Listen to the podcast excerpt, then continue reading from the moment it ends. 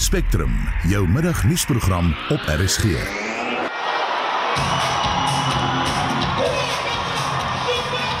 Alsaai die Bokke is terug in die land na hulle Wêreldbeker oorwinning. Die 15de Desember is as vakansiedag verklaar, maar is dit iets wat sommer so gedoen kan word? Ons vra die vraag aan 'n kenner. En wat doen mense wanneer 'n terreurgroep onder 'n hospitaal skuil? Span in ateljee se redakteur Marlenae Forsie, produksieregisseur Jady Labuskaghni en ek is Susan Paxton. Die viermalige rugby wêreldkampioene is terug in Suid-Afrika weer die derde en laaste wedstryd in die netbalreeks tussen Australië en die Proteas gewen en Bangladesh kolf eerste in die mans eendag cricket wêreldbeker wedstryd teen Pakistan met oorlewing op die spel. Ek is Shaun Jooste vir RSG Sport. Onder die hitsmerk Family Meeting word daar wyd gesels oor die 15de Desember wat die president tot 'n openbare vakansiedag verklaar het. Talle gebruikers op X sê hulle is oorgehaal om hulle rugbytreye op daardie dag weer te dra. Daar word natuurlik ook 'n bietjie gek gek geskeer en geklaam dat die vakansiedag nog so ver is en nie sommer die week al nie. Oor Tambo is ook 'n gewilde hits. Dis nou met die bokke se tuiskoms saam met die Web Ellis trofee. En op Instagram is mense verheug nadat Red Row vismeer weer op die mark is, maar net in uitgesoekte winkels en net in sekere provinsies. Wat dink jy daarvan? Is jy opgewonde daaroor uh, Marlies dat die vismeer terug is? Nie noodwendig nie. nou ja, voel ek eerder vir my of ek eh, die mediumtermyn staatsrede oorleef het gisteraand met die president. Bietjie later gaan ons daaroor gesels. Dan die 15de Desember is as 'n openbare vakansiedag van hoop, eenheid en feesviering verklaar. Dit nadat die Springbokke die rugby wêreldbeker verower het. Volgens die president is dit ook ter viering van die ander sportspanne wat hoop bring in moeilike tye in die land, soos Banyana Banyana, die Proteas en die spesiale Olimpiese span. Wat dink jy hiervan en wat sal jy die dag noem as jy dit 'n naam kan gee? Stuur 'n SMS na 4588919 R50 of stuur 'n stemnota na 076 536 6961. Nou bykans 8 minute oor 12 die Springbokke het kort tevore in Johannesburg geland waar hulle deur 'n see van ondersteuners verwelkom is. Kort daarna 'n media-konferensie gehou. Hier's 'n uittreksel van die Springbokke se kaptein Sia Kolisi. People were hopeful in 2019 maybe we'll win it, but this time we could feel that people expected us uh, to win this World Cup. So the support and the videos as uh, Mr. President said honestly we after trainings we would see or after games we would see what's happening back at home. And that's why we made that decision that we've already won the, the World Cup in 2019 it's not about us as players anymore.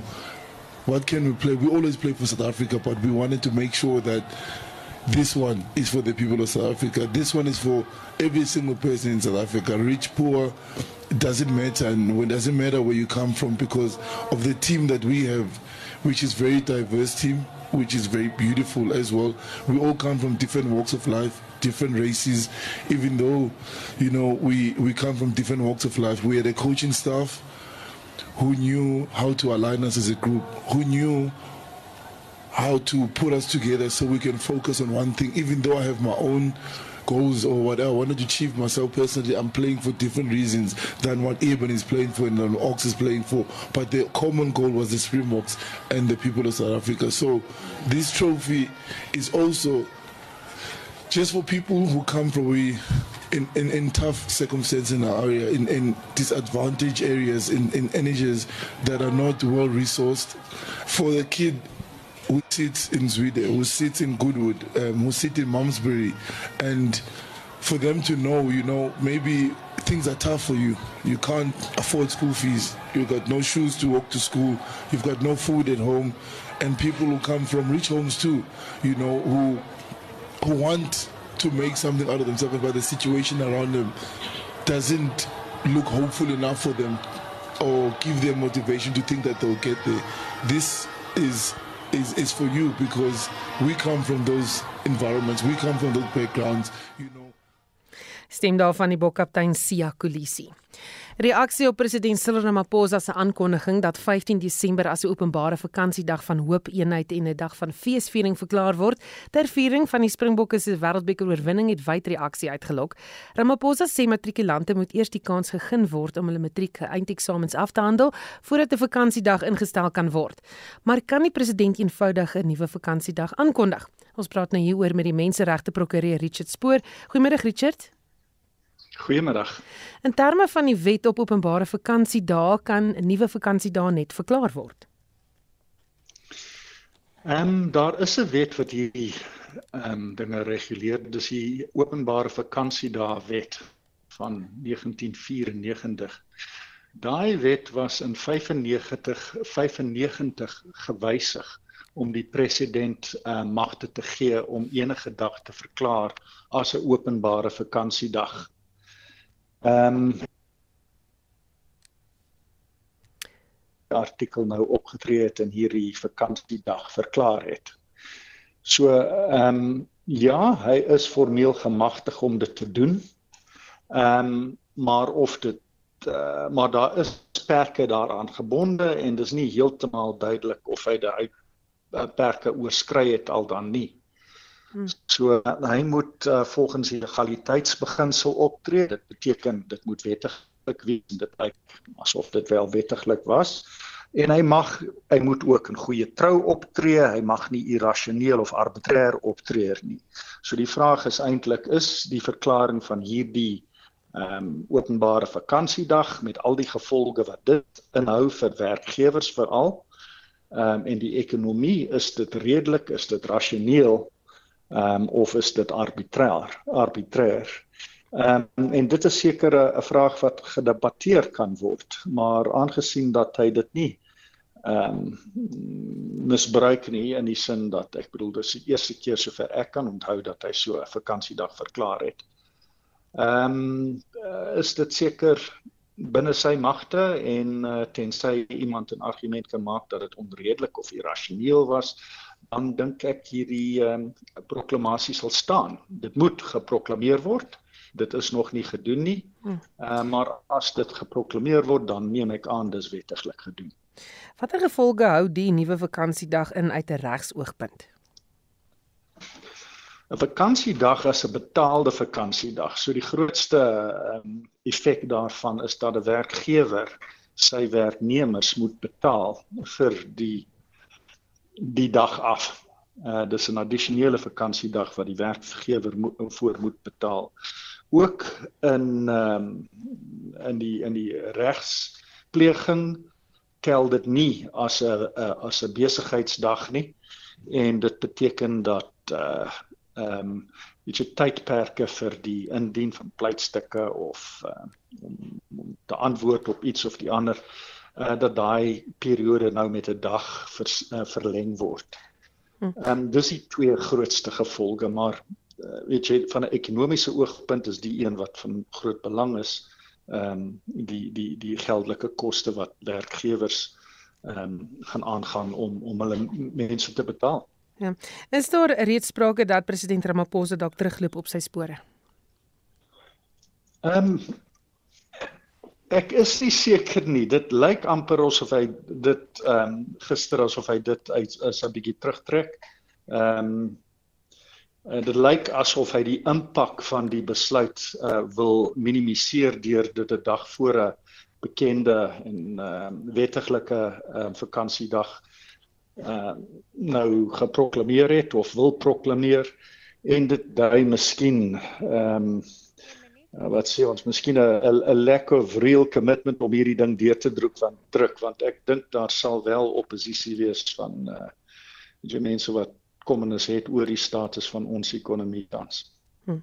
Baie dankie het gepraat met die menseregte prokureur Richard Spoor. Nou die Springbokke het dan nou vanoggend by die uh, OR Tambo lughawe geland en is deur honderde trotse Suid-Afrikaners in die aankomsaal ingewag. Ons verslaggewer Liesel Olivier sluit nou by ons aan. Goeiemôre Liesel. Hallo Susan. Hoe het dit by die lughawe gegaan vandag? Sjoe, dit was 'n muurnes, 'n warboel uh van bedrywighede. Daar was soveel mense. Ek wil amper so ver gaan te sê 'n hele paar duisend wat van vroeg vanoggend af um by Oor Tambo lughawe saamgekom het. Hulle wil so graag hulle uh helde gesien het in groen en goud en natuurlik ook daardie gesogte Web Alice beker.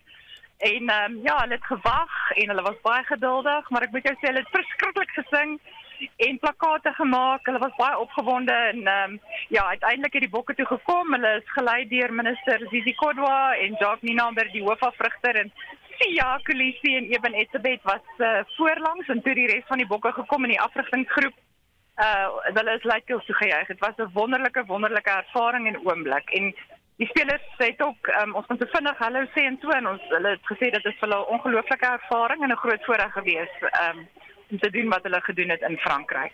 Nou waar is jy op die oomblik?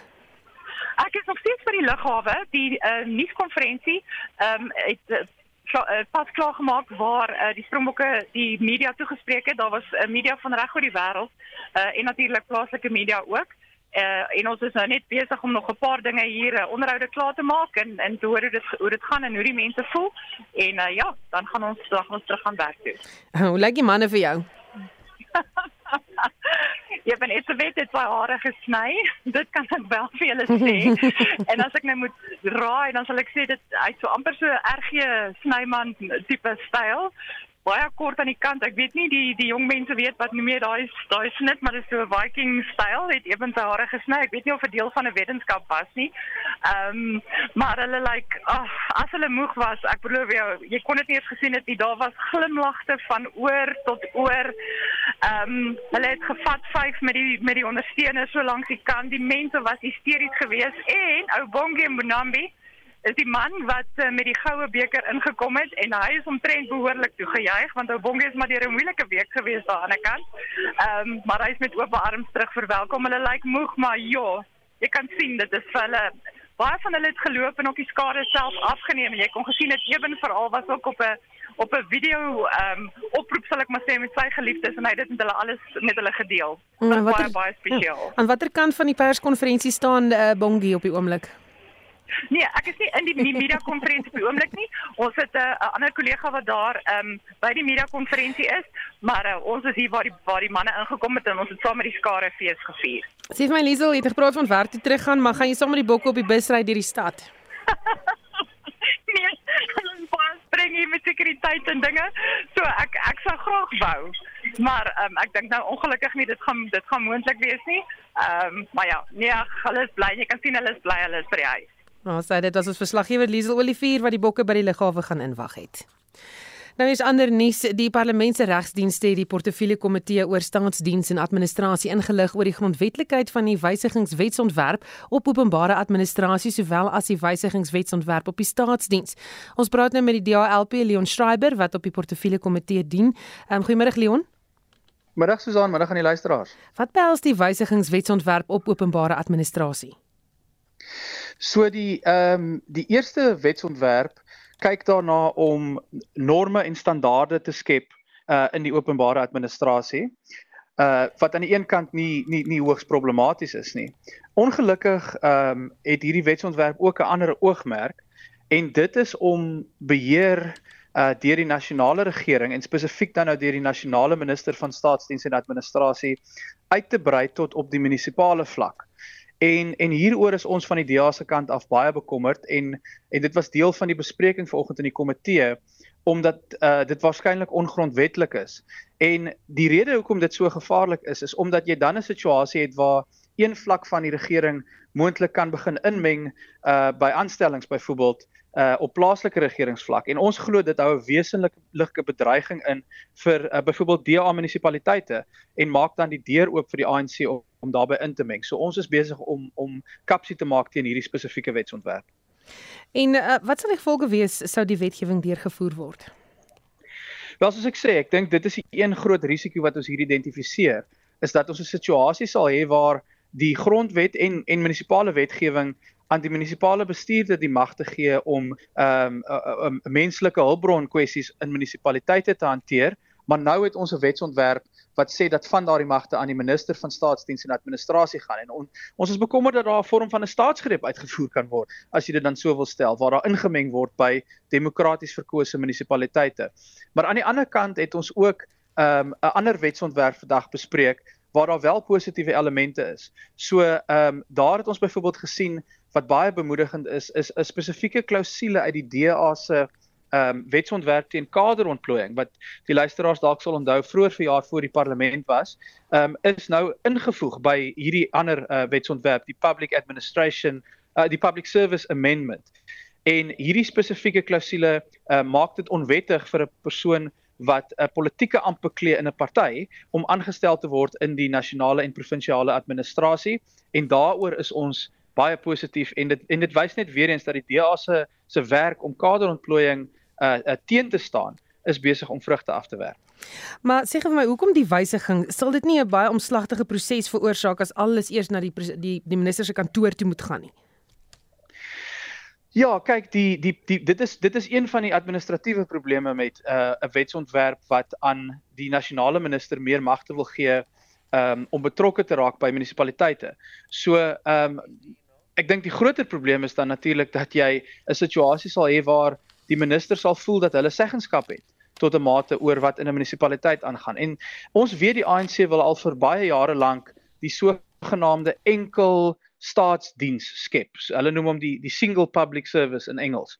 Ehm um, en en daardeur ehm uh, gegee die wyse waarop die ANC al hoe meer munisipaliteite verloor het oor die afgelope jare, probeer hulle op 'n manier soort van by die agterdeur inkom uh en inmeng by munisipaliteite. So dis die groot risiko wat ons sien in die een wetsontwerp, maar soos ek sê in die ander een, ehm um, is daar elemente van die DA se stopkaderontplooiingswetsontwerp wat aanvaar is en ons gaan beslis werk om seker te maak dat dit deur die parlement gaan.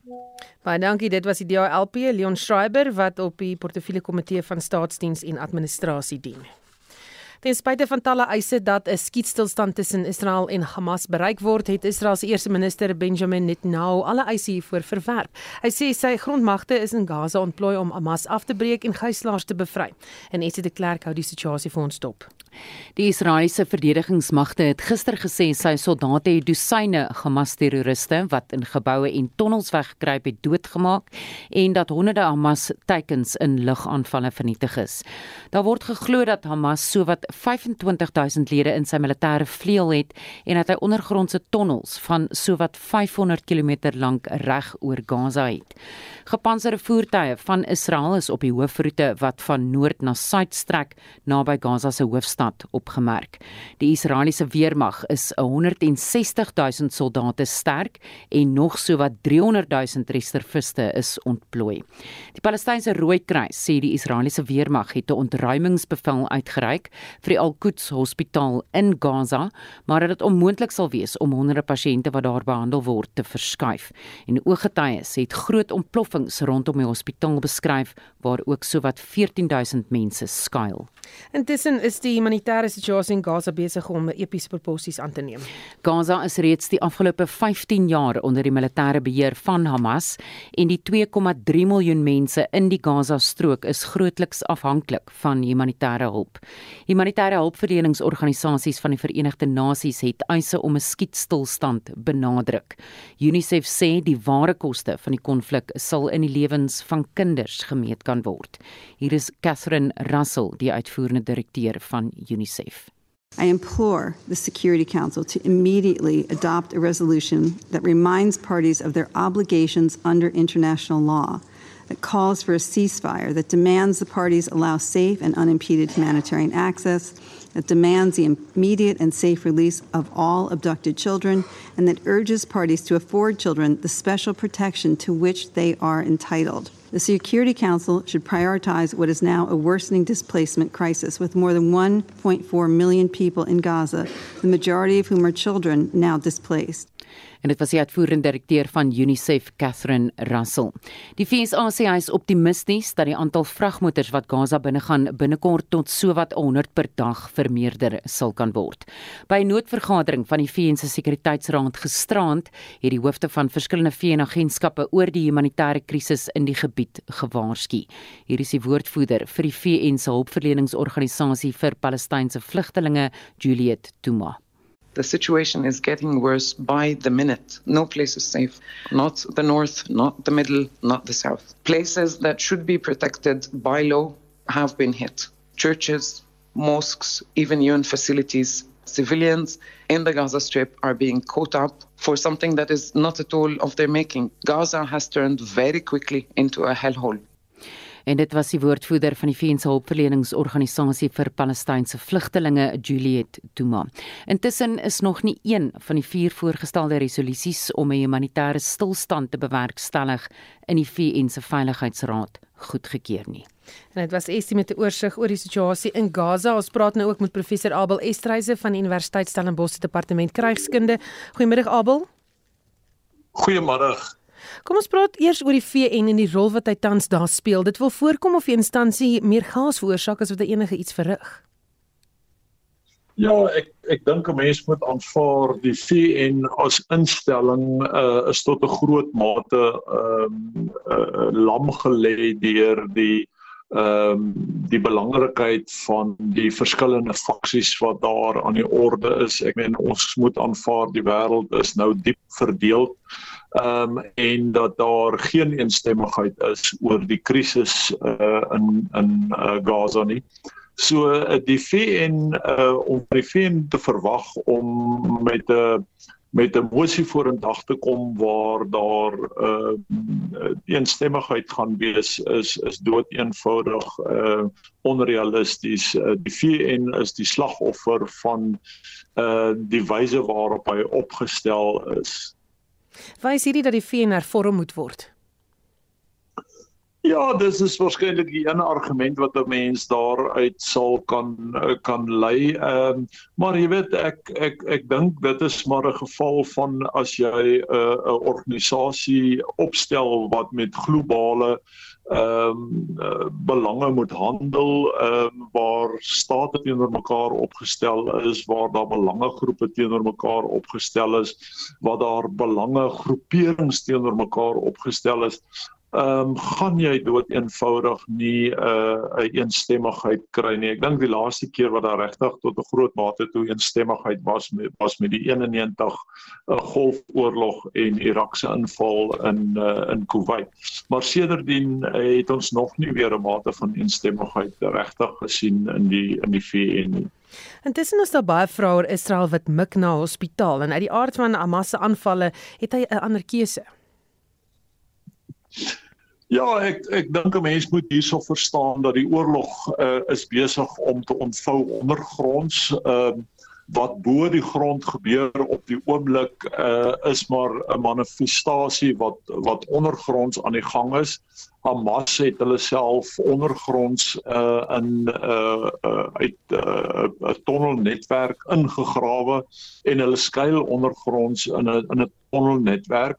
Ehm um, en daardeur natuurlik het hulle Israel se lugsteen, se artillerie, se pansers, se kinetiese vermoë totaal en al geneutraliseer. Eintlik Israel se vermoë om oorlog voer te neutraliseer en eintlik Israel gedwing om ehm um, jy weet op te tree teen teen plekke waar daar groot bevolkingskonsentrasies is want hierdie tonnels sit ongelukkig onder hospitale, onder skole, onder winkelsentrums, uh, oral waar daar bevolkingskonsentrasies is en dis doelbewus deur Hamas so opgestel. Jy weet ons uh, is nou geneig om die vingers te wys na Israel en die wêreld wil wil antwoorde hê van Israel maar ehm um, hulle hulle roep nie Hamas tot verantwoordelikheid nie want dis eintlik Hamas wat hier tot verantwoordelikheid geroep moet word want uh, 'n mens sou kon argumenteer dat hulle hier uh, skole, hospitale en ander bevolkings uh,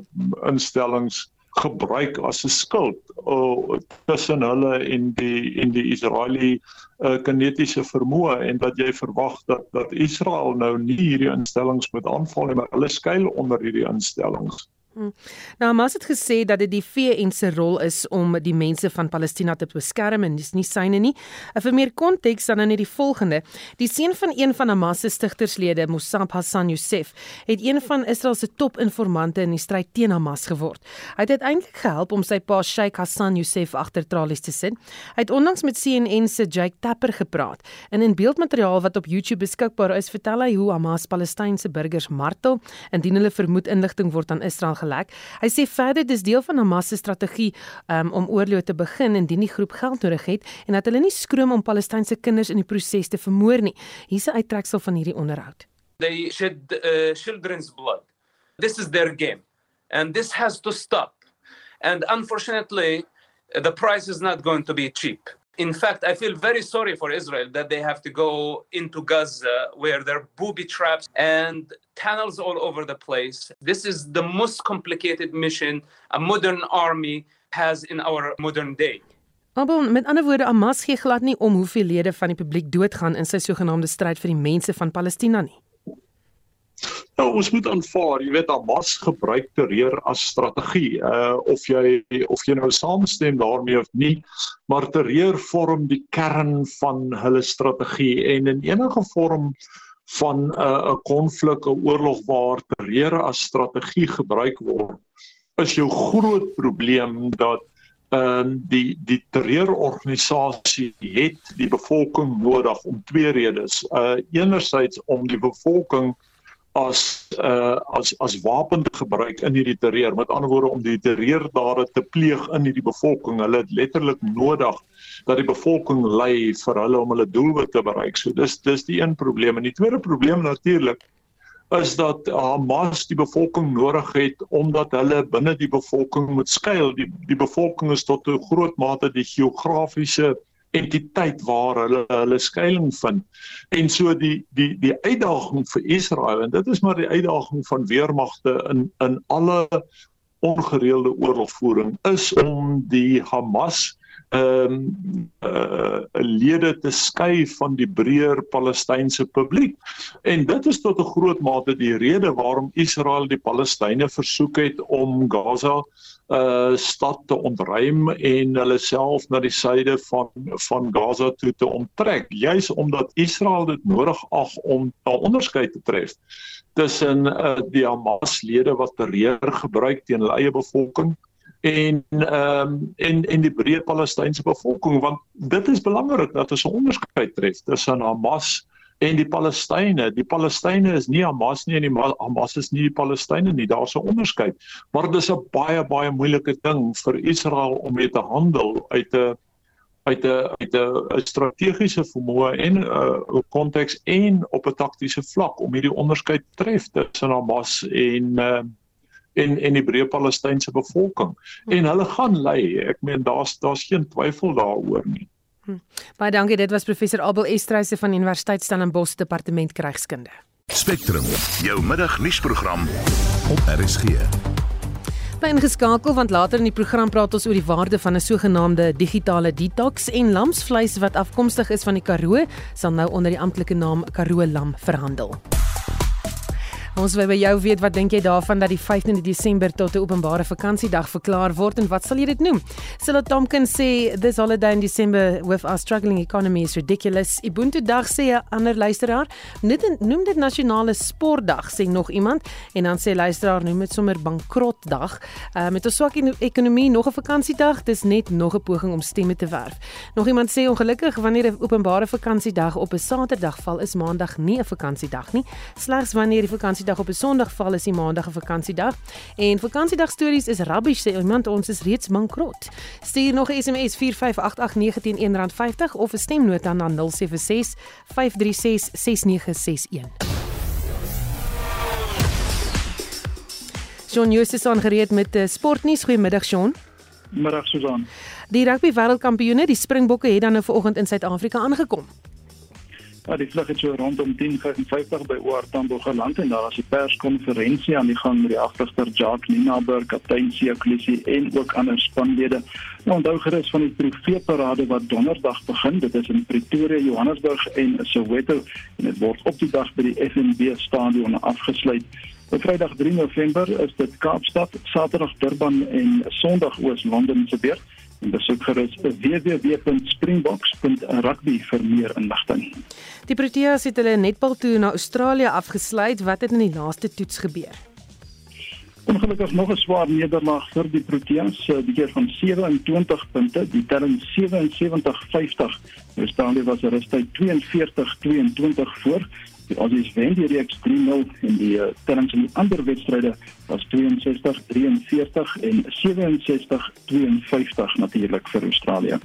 Die WTA tennis toer finaal vind in Mexiko plaas. Indien tennisliefhebbers laat wil opbly, wie pak mekaar vanaand? Die wêreldnommer 1 Aryna Sabalenka van Belarus kom teen die nommer 5 van die FSA, Jessica Pegula te staan. Die kragmeting is vir so 11 uur geskeduleer en môreoggend vroeg speel die nommer 4 Elena Rybakina van Kazakhstan teen die nommer 9 van Griekeland, Maria Sakkari. By die mans eendag kriket wêreldbeker toernooi is dit vandag Pakistan en Bangladesh se beurt wat gebeur in die wedstryd. Bangladesh kan vandag uitgeskakel word indien hulle verloor terwyl Pakistan nog 'n skrale kans het om vir die halffinale te kwalifiseer indien hulle sou verloor. Nou Bangladesh het die lood vanoggend gewen en gekies om eerste te kolf en die jongste beskikbare telling is 116 vir 4 na 26.5 balbeurte. Baie dankie, dit was Shaun Jooste. 1238 jy luister na Spectrum die Hooggeregshof in Pretoria het Afriforum se aansoek dat die vernuwing van bestuurderslisensies elke 5 jaar hersien moet word van die hand gewys. Die aansoek is op 'n tegniese punt van die hand gewys en Afriforum ondersoek die moontlikheid om dit te appeleer. Ons praat nou met Louis Boshoff van Afriforum. Goeiemôre Louis. Goeiemôre Susan vanuit 'n grou en reënerige Centurion. Sê vir my, hoekom het die hof die aansoek van die hand gewys? So die uh, kom ek begin dit eerder by waarom Afriforum enigstens die regstatus van uh, lisensies wat verval ondersoek het is dat ons van ons lede verskeie klagtes ontvang het van persone wat uh, in wetsgehoorsaamheid hulle lisensies wil hernie en dan nie betyds 'n nuwe lisensiekaart ontvang nie. En terselfdertyd hoor ons van ehm um, baie gevalle van ongelisensieerde en, en onbevoegde bestuurders op die pad wat nie uh hok geslaan word nie. En uh so het Afriforum uh die dilemma wou ondersoek vanuit 'n regshoek ook en het toe gevind dat die nasionale padverkeerswet bevat nie in die wet self enige klousules wat bepaal dat lisensiekaarte verval na 5 jaar nie. Dit word alleen gevind in 'n uh, regulasie wat uh 5 of 6 jaar na die padverkeerswet uitgevaardig is in die jaar 2000 en uh vol uh Afriforum se regsmening was dat daar nie genoeg raamwerk binne die wet is vir so 'n regulasie om uitgevaardig te kan word en geldig te kan bly nie en daarom het ons uh dit wou daag in die hof en die aansoek is toe van die hand gewys uh met die rede dat Afriforum binne 180 dae nadat die regulasie uitgevaardig is, eintlik moes aansoek doen om dit op hersiening te kan neem. En wat gaan nou gebeur? So ons ondersoek nog die regsopsies daarvan en ehm um, ek het nie beskik nie self oor die nodige kundigheid om nou 'n uitspraak daaroor te kan maak nie, maar die die dilemma staan steeds en uh, ons hou nog by die stelling dat die departement van vervoer is besig om die grootste bestuurslisensie toets in die land te dop want ehm um, hulle is nie meer in staat om voldoende te onderskei tussen die bevoegde en die onbevoegde bestuurders op die pad nie en daarom sal Afriforum aanhou om regsweë en ander moontlikhede te ondersoek uh hoe om hierdie dilemma op te los. Baie dankie dit was Louis Boshoff van Afriforum. Lamsvleis wat afkomstig is van die Karoo sal nou onder die amptelike naam Karoo lam verhandel.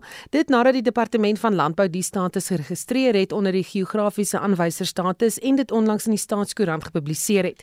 Professor Johan Kirsten, die direkteur van die Buro vir Ekonomiese Navorsing in Stellenbosch en lid van die Karoo Lam Konsortium praat nou met ons. Goeiemôre Johan. Goeiemôre Susan. So goed, wat presies het nou met Karoo Lam gebeur? Wat mag julle en wat mag julle nie? Ehm um, ja, dit is 'n lang proses wat gelei het tot die ehm um, voltooiing van hierdie registrasie. En dit gee basies nou vir die reg vir die Karoo lam boere om hulle eie ding te doen, jy weet. En ook hulle beskerming daar te stel vir Karoo lam. So die die basiese reëls spel uit wat ehm um, die ehm um, produk behels. Dit sê dit moet vrylopend in die Karoo wees. Dit moet nie in voerkrale wees nie en dit moet nie op Lucerne wees nie. En dit gee dan die beskrywing van die identiteit van die produk wat gekoppel is aan die streek. En dit gee ook nou die reg vir mense in die streek om die naam te gebruik as hulle aan daai basiese definisie voldoen. So die staat het nou eintlik die reëls geformaliseer en daardeur vir die boere en die abattoirs en die kleinhandelaars die geleentheid te gee om met vertroue en integriteit en eerlikheid hierdie unieke produkte verhandel. So dit was 'n 'n redelike lang proses en dit is eintlik bemoedigend dat die proses nou daar is dat dit op in die wetboeke vasgelê is dat daar nie dispuut daaroor kan wees nie. Hoekom is dit so belangrik om dit te registreer? Want as dit nie geregistreer is nie, daar altyd 'n 'n verskillende menings oor wat die produk behels en daar's ook geneigtheid om dit te misbruik.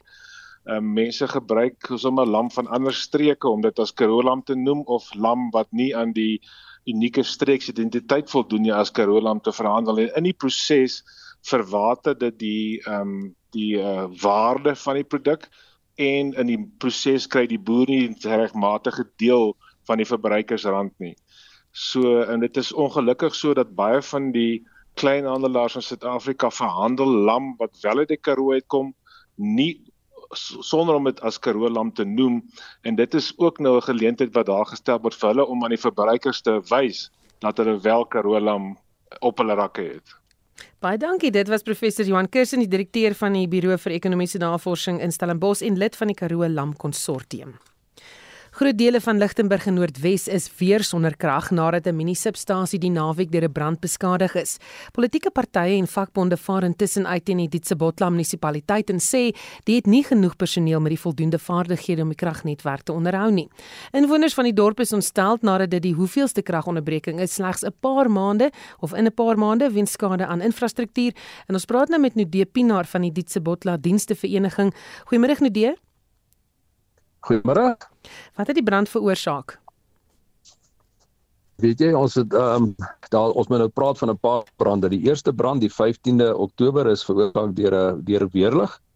En ongelukkig was die netwerk toe nie ontstaat om om uh om homself te beskerm nie en toe daar funksionele ehm um, plekke gebrand. En nadat hulle die werk herstel het, weer herstel het, het hulle oor die naweek, die afgelope naweek het hulle probeer om die om die ehm um, krag weer uh om te skakel en toe daar weer brande veroorsaak as gevolg van ehm um, volgens ons ligting swak werk wat gedoen is, verkeerde werk wat gedoen is. So ehm um, die die skade is toe net vererger in plaas daarvan dat die skade herstel is. Hmm. En dit is baie ernstige skade, reg? Ja, weet jy ek ek sit ek het nou gestap by 'n vergadering met die by, by die munisipale bestuurder en van die besighede van die besighede die afgelope 3 weke meer as 'n miljoen rand se se diesel moes brand om om hulle om om die besighede aan die gang te hou en dit is nou dieselfde besighede wat 2 maande terug ook geweldige skade gelei het. So die effek wat hierdie kragonderbreking op ons dorp en op die ekonomie het is, is ongelooflik. Wat presies is die probleem? Is dit 'n gebrek aan voldoende instandhouding wat veroorsaak het dat nog 'n transformator by die substasie beskadig is? Ja, weet jy, ek dink dit is 'n kombinasie van swak instandhouding, definitief swak beplanning. Ons het reeds in 2021 gewaarsku toe ons 'n vorige keer 'n soortgelyke gehad het, het het die ingenieurs gewaarsku dat die werk wat toegedoen is om 'n tydelike oplossing te gee was was gevaarlike werk dit was dit het nie voldoen aan vereistes nie en daar's gewaarsku dat dat indien daar enigstens 'n klein probleempie kom on 'n groot deel van die netwerk gaan verloor. Ehm um, ek dink die dis onvoldoende ehm um, herstelwerk maar ook 'n onvermoë om saam te werk en raad te vat en te luister. Ehm um, dis ongelukkig so dat dat ehm um, van hierdie mense ehm um, glo net homself terwyl besighede um, al agteroor gebuig het om om te help en bydra te maak tot die om die situasie te probeer verbeter. Kry ons net nie die die die uh, die geleentheid om met die munisipaliteit saam te werk nie. Die personeel wat hulle heidaglik het, die kontrakteurs wat hulle het, is in ons in ons oë um, ook nie voldoende opgelei en gekwalifiseer nie, want jy weet om daarom na 3 weke nou vandag agter te kom, ons weet nog steeds nie wat die probleem is nie. Is net totaal onaanvaarbaar. Enige aanduiding van wanneer hierdie kragtoevoer herstel gaan word? Nee, as ek sê ons ons is nou uiteindelik in 'n vergadering. Uh, die nuus wat ons nou gekry het is dat uh, hulle 'n bepaling gemaak van van wat beskadig is um, laas Saterdag. Jy weet ons ons ons trek al by Woensdag en uh, die bepaal die bepaling is nou eers gedoen en op 'n vraag aan wat ek gevra het, is daar geld beskikbaar?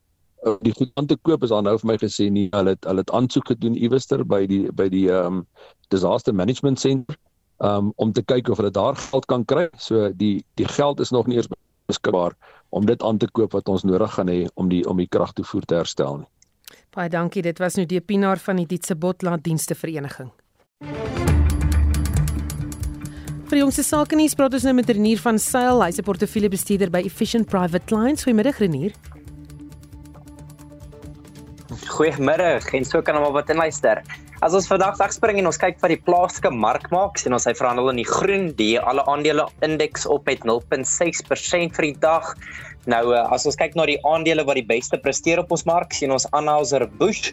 Hy is op met so 3.8% op die oomblik. Nou Anheuser het in Europa resultate uitgebring vir die vorige 3 maande wat baie goed was. Hulle het ook gesê hulle gaan 1 miljard dollar van hulle maatskappy ag 1 miljard dollar se aandele terugkoop en dan het ons ook natuurlik gesien hulle gaan so 3 miljard afbetaal aan aan hulle skuld. Hulle sit met baie skuld op die oomblik. Van die ander maatskappye wat goed uh, presteer op ons mark, ons sien Telkom op met 7.6% en so ook is daar dan verloders. Ons sien MTN laer met 3% en RCL Foods laer met so 2.5%. As ons kyk wat die rand doen, uh, teenoor die dollar het hy versterk van volgens se vlakke. Hy staan teen 18.76 daarso. Hy staan teen so 22.87 teen die pond en dan so R20 teen die euro. Die prys van goud is onveranderd op 1998 dollars per fyn ons en die prys van Brent ruolie so 1.2% hoër op 88 dollars 53 per vatjie Brent. Dit lyk op die oomblik asof die Amerikaanse markte later in die groen wil oopmaak en meeste Europese markte is ook lekker sterk vandag. Dis my storie vir vandag. Julle moet 'n baie lekker dag verder hê. Totsiens. Baie dankie. Dit was Renier van Self van Efficient Private Lines. Terwyl die matriekeksamens nou aan die gang is en die res van die land se kinders ook binnekort moet begin met eksamens, maan kenners dat kinders 'n digitale breek moet neem. Dr Brad Huddleston, 'n onderwyser en navorser in die FSA, het uitgewerk dat mense in 2022 wêreldwyd 12.500 miljard ure aanlyn gespandeer het. Huddleston sê die wêreld se digitale gebruik grens aan 'n dwelmverslaafde en hy noem dit ook digitale kokaine. Atelisha Harilal, stadio se hoof van studentebemarking, sê mense word daagliks met soveel inligting gebombardeer dat mens iewers moet rus. I think maintaining a healthy tech balance during exams is crucial. Excessive tech use can sort of impact on your ability to focus, your sleep, which, as we know, poor sleep just impacts your general well being overall. And this is a time when you sort of need to be at peak mental performance, peak health in order to do your best at the exam. So finding a way to balance your demands and your stress and anxiety, but also being able to focus is key at this time. Harilal sê die idee is nie om kinders geheel en al te verbied om enige iets aanlyn te doen nie. Detox is a strong word, and a lot of young people may react with alarm because they construct these online identities. They find community online, which may be beneficial to them. But I think during the time when we're looking for high mental focus, we're trying to create capacity, we're trying to manage our time better because this one exam impacts so many different aspects of our lives in the future. It's important that we help them to find a balance in their tech practices and social media consumption. And, and it's just making small changes that can help them to create a more positive learning environment, prioritize their well being, and give them that mental space to take a breath, read that book, get the information in, and be ready for the exam. Harilal sê om digitaal verslaaf te raak is baie maklik, maar die gevolge is verrykend. It's very easy you know this term doom scrolling came on into play where you're sitting online you're just scrolling and before you know it 2 hours have passed. You've given yourself a mini panic attack over a few social issues that have been amplified in the social media space. You're feeling dissatisfied with your appearance because you're looking at influencers who can indulge in plastic surgery. So it creates this kind of anxiety about the world around around you. But at the same time, we in a world where we must prepare our students to be digitally literate, able to understand a world that will be heavily impacted upon by AI, and be able to negotiate a world of work where the ability to access different forms of knowledge using technology will be a very highly valued skill. So, what we're trying to say is we cannot say no technology, down with technology, but we can say let's give our brain a break. Let's consume things in a balanced manner. Let's take as much offline time to build community, to socialize, to learn new things in the real world as we do in the online world. Het ook raad oor hoe om 'n breek te neem van jou foon. I think we often, as parents, want to say guerrilla measures. You know, I've heard people say, do this. If you don't do it, I'm going to take away your phone. Or now I'm punishing you. There's no phone. And it's either we seem to see it as a do or die. You know, it's either all phone or no phone. And parents won't like when I say that, but sometimes having a child who can use a screen gives us a bit of breathing room. You know, we've arrived from a tough day in the office. Uh, someone can look at the iPad and watch Peppa Pig for a few hours, and we can get dinner on the go. So it becomes quite a nice babysitter. And so we inculcate this culture of the screen for stimulation and for support. So how can we actually accomplish it is the first step is effective communication. We cannot think that students are going to respond or young people will respond well to zero screens. But what we can do is communicate about what are you actually doing in the online space? What is it that you consume? What sites do you spend a lot of time on? How does that make you feel? How do you feel about your self image? How is your self confidence impacted upon when you see influencers' lives? And we often don't hear that conversation happening between parents and children is what are you actually consuming? But more importantly, how does it make you feel? En dit was Atelisha Harilal Stadium se hoof van studentebemarking. Is jou vandag vir ons die nuus en ontwikkelende stories dop en ons begin met nuus dat vyf verdagtes gisteraand in 'n oor en weer skietery by Inanda noord van Durban doodgeskiet is. 'n Beampte van die nasionale ingrypingseenheid is ook in die been geskiet en na die hospitaal gehaas waar hy in 'n stabiele toestand is. Die polisiewoordvoerder in KwaZulu-Natal, Jay Niger, sê die verdagtes het na bewering die gemeenskap geterroriseer. Vier verdagtes was op die toneel terwyl die vyfde verdagte dood by 'n huis naby die misdaadtoneel aangetref is. a team comprising of various police disciplines, private security, the National Intervention Unit, as well as the Hawks, conducted an operation at 2300 after intelligence led them to a house near the Duba Village Mall in Inanda. As the police officers approached the house, they were met with gunfire. Following a heated gun battle, four suspects were fatally wounded. Police found four pistols in their possession. A manhunt continues for more suspects. Die sentrum vir navorsing oor energie en skoon lug sê Eskom se vertragings om steenkoolkragstasies te sluit kan tot 90000 voortydige sterftes lei.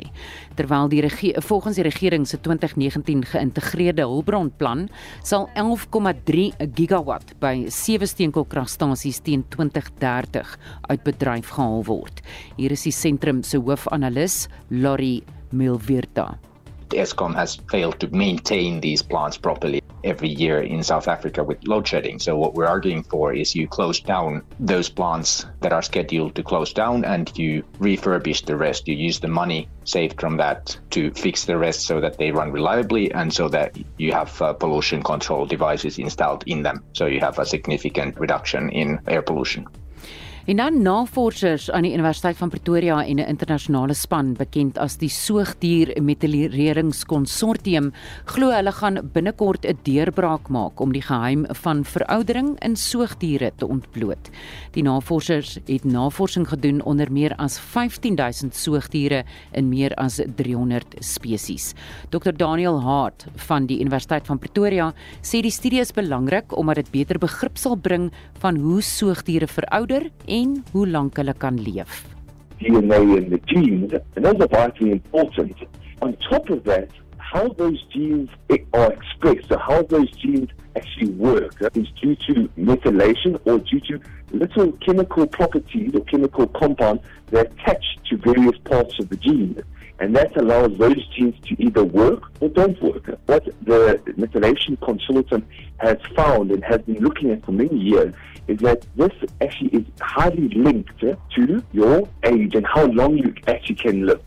En dit is Dr Daniel Hart van die Universiteit van Pretoria. Dit was Essie met 'n oorsig van die nuus en ontwikkelende stories.